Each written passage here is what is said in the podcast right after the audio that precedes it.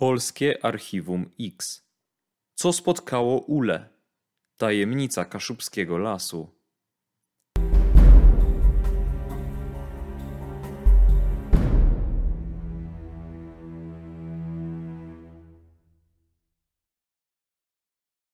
Urszula B. poznała Edmunda na zabawie strażackiej. Młodzi szybko przypadli sobie do gustu i postanowili się pobrać. Para przez 28 lat wiodła spokojne życie. Zamieszkali w domu jednorodzinnym w Stężycy. To niewielka miejscowość leżąca na Kaszubach w województwie pomorskim. Mieszkańcy utrzymują się głównie z turystyki. Państwo B doczekało się szóstki dzieci. Podział między parą był prosty. Pan Edmund pracował jako kierowca PKS, a jego żona Urszula zajmowała się wychowaniem dzieci i domem. Kobieta w sezonie grzybiarskim często wybierała się do lasu nazbierać grzybów. Później sprzedawała je w pobliskim skupie. Dzięki temu mogła wesprzeć domowy budżet dodatkowymi pieniędzmi. Podobnie było w sobotę 10 lipca 2004 roku. Urszula zaplanowała, że o poranku wybierze się do pobliskiego lasu. Kobieta z domu wyszła około godziny szóstej. Jeden ze świadków widział Ule o 6.47, jak jechała w stronę lasu. Ten sam mężczyzna widział kobietę ponownie około 6.55. Jechał wtedy samochodem ze swoim znajomym. Kobieta była na skraju lasu. Dramat rozegrał się między godziną siódmą a ósmą. Jadący samochodem mieszkaniec Kostrzeszyny około 8.15 dostrzegł ciało kobiety leżącej na skraju lasu. Na miejscu natychmiast pojawili się śledczy. Policjanci szczegółowo przeszukali miejsce zbrodni oraz okolice. Zabezpieczone zostały także ślady DNA. Śledczy ustalili, że ofiara została uduszona. Nie znaleziono śladów gwałtu. Sprawcę najprawdopodobniej ktoś spłoszył. W krótkim czasie śledczy przesłuchali około stu osób. Kilka lat po zabójstwie Justyna Poznańska, psycholog sądowa, przygotowała opinię w sprawie śmierci Urszuli B. Według niej sprawca działał spontanicznie i z pobudek seksualnych, a takie osoby zwykle mieszkają w promieniu 15 km od miejsca zdarzenia. W 2019 roku do rodziny B przyjechali policjanci z gdańskiego archiwum X. Poinformowali rodzinę o tym, że chcą wrócić do sprawy. Śledczy zaczęli rozpytywać okolicznych mieszkańców o wydarzenia sprzed lat. Niektórzy z nich przekazali policjantom informację, że w tamtym czasie w Stężycy mówiło się, że 15-letni wówczas Dariusz P.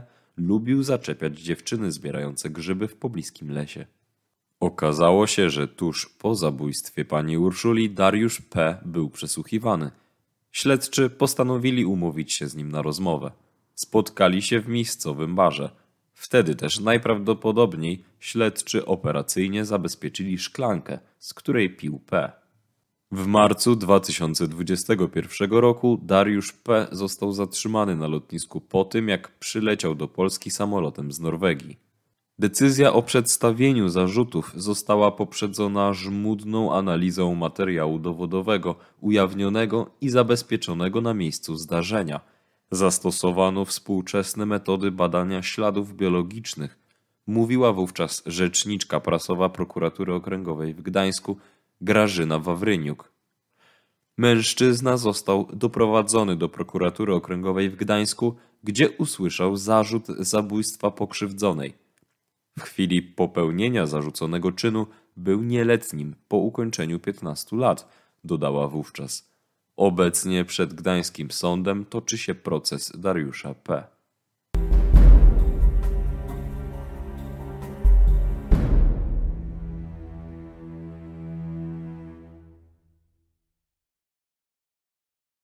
dzisiejszym odcinku przedstawiliśmy sprawę pani Urszuli z Kaszub, która została brutalnie zamordowana w 2004 roku i dzięki temu, że archiwum, Gdańskie Archiwum X powróciło do tej sprawy, po wielu, wielu latach został zatrzymany sprawca. Ja myślę, Boguś, że to jest bardzo ciekawa sprawa i pokazuje nam to, że jeśli został dobrze zabezpieczony materiał dowodowy, może on posłużyć właśnie do wykrycia sprawców tych spraw sprzed wielu lat.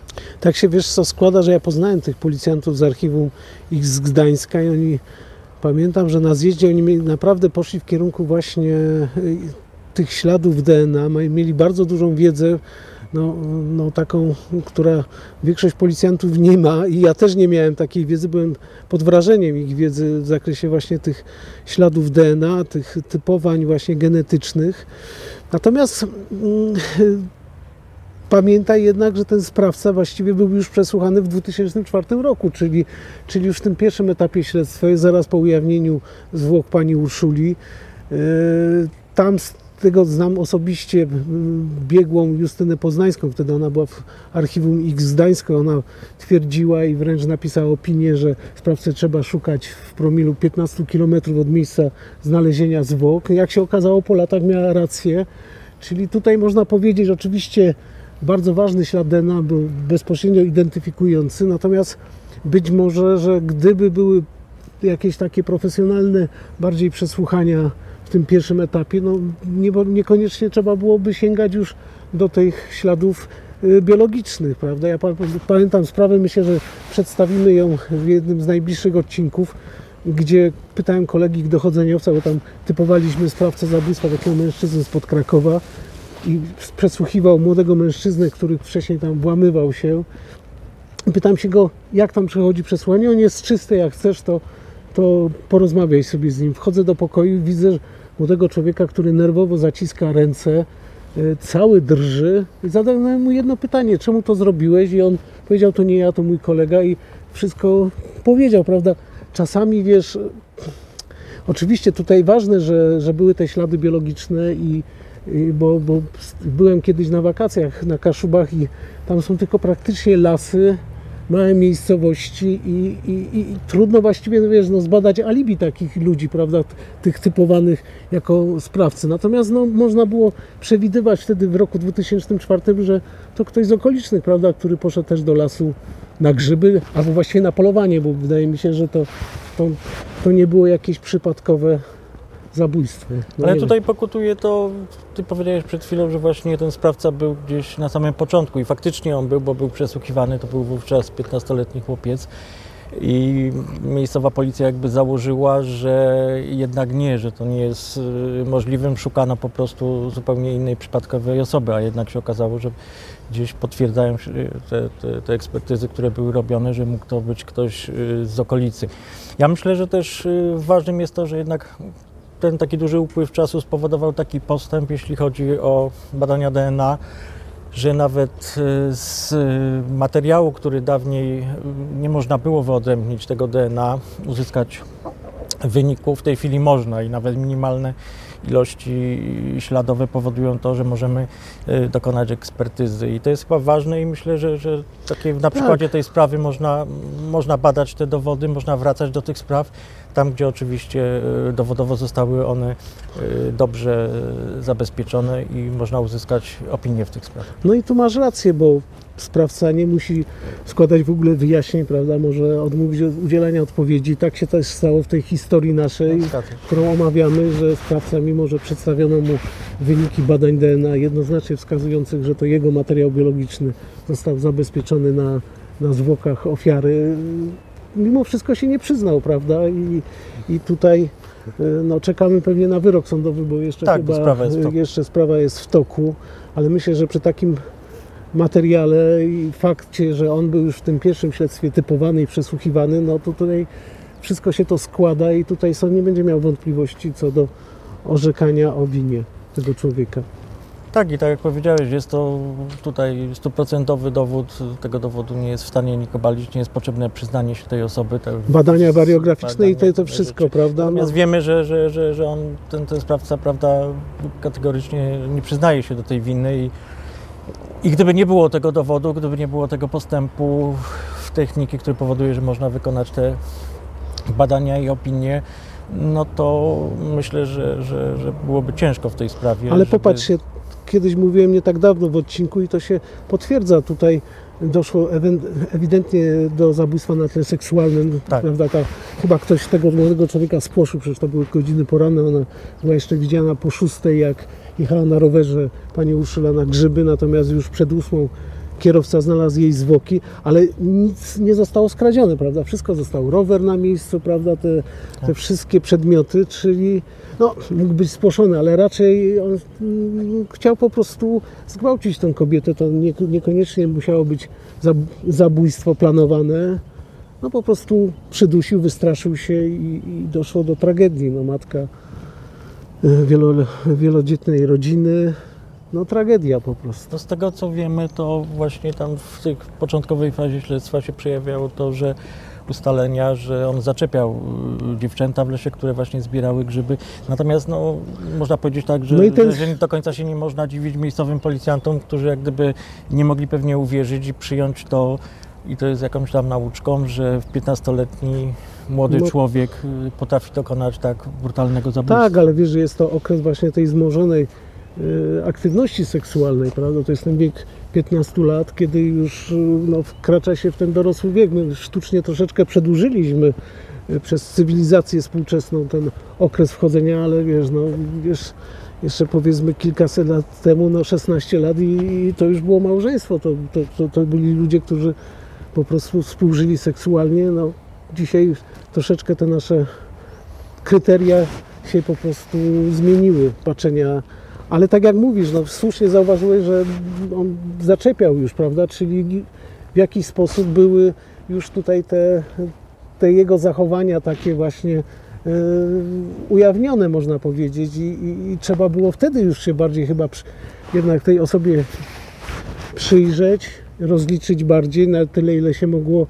Myślę, że to młody był człowiek, także to, to przy dobrym przesłuchaniu mogło już wtedy w 2004 roku dojść do wyjaśnienia tej sprawy. Ja myślę, że dobrze właśnie, że tak się stało, że powstały zespoły w krajów, które wracają do tych spraw i coraz więcej tych spraw jest rozwiązywanych. I oprócz tych spraw, gdzie jest bardzo ciężko, jeśli chodzi o materiał dowodowy i są robione w inny sposób, realizowane, to właśnie sprawy, które można po wielu latach dzięki temu postępowi e, próbować rozwiązać, są rozwiązywane i jak tutaj widać na przykładzie Gdańskiego Archiwum Mix z powodzeniem. Ale ja jeszcze powiem jedną wskazówkę tutaj, taką, bo tak przychodzi mi na myśl, ten młody człowiek jednak opuścił kraj, prawda?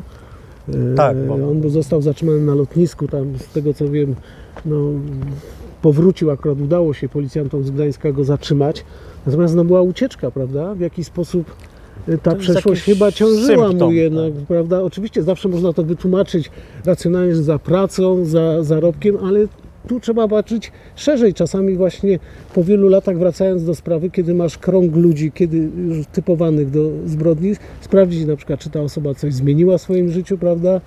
I, i, i to jest taka wskazówka, to nie jest dowód, ale jest to wskazówka, gdzie się przyjrzeć, prawda? Zau- Gdzie, gdzie można by w jakiś sposób no, e, zakładać jakieś wersje osobowe. Ale zauważ, że tak jak e, ty to zawsze przedstawiasz, stało się po tym, jak e, policjanci zaczęli na nowo interesować się tą sprawą.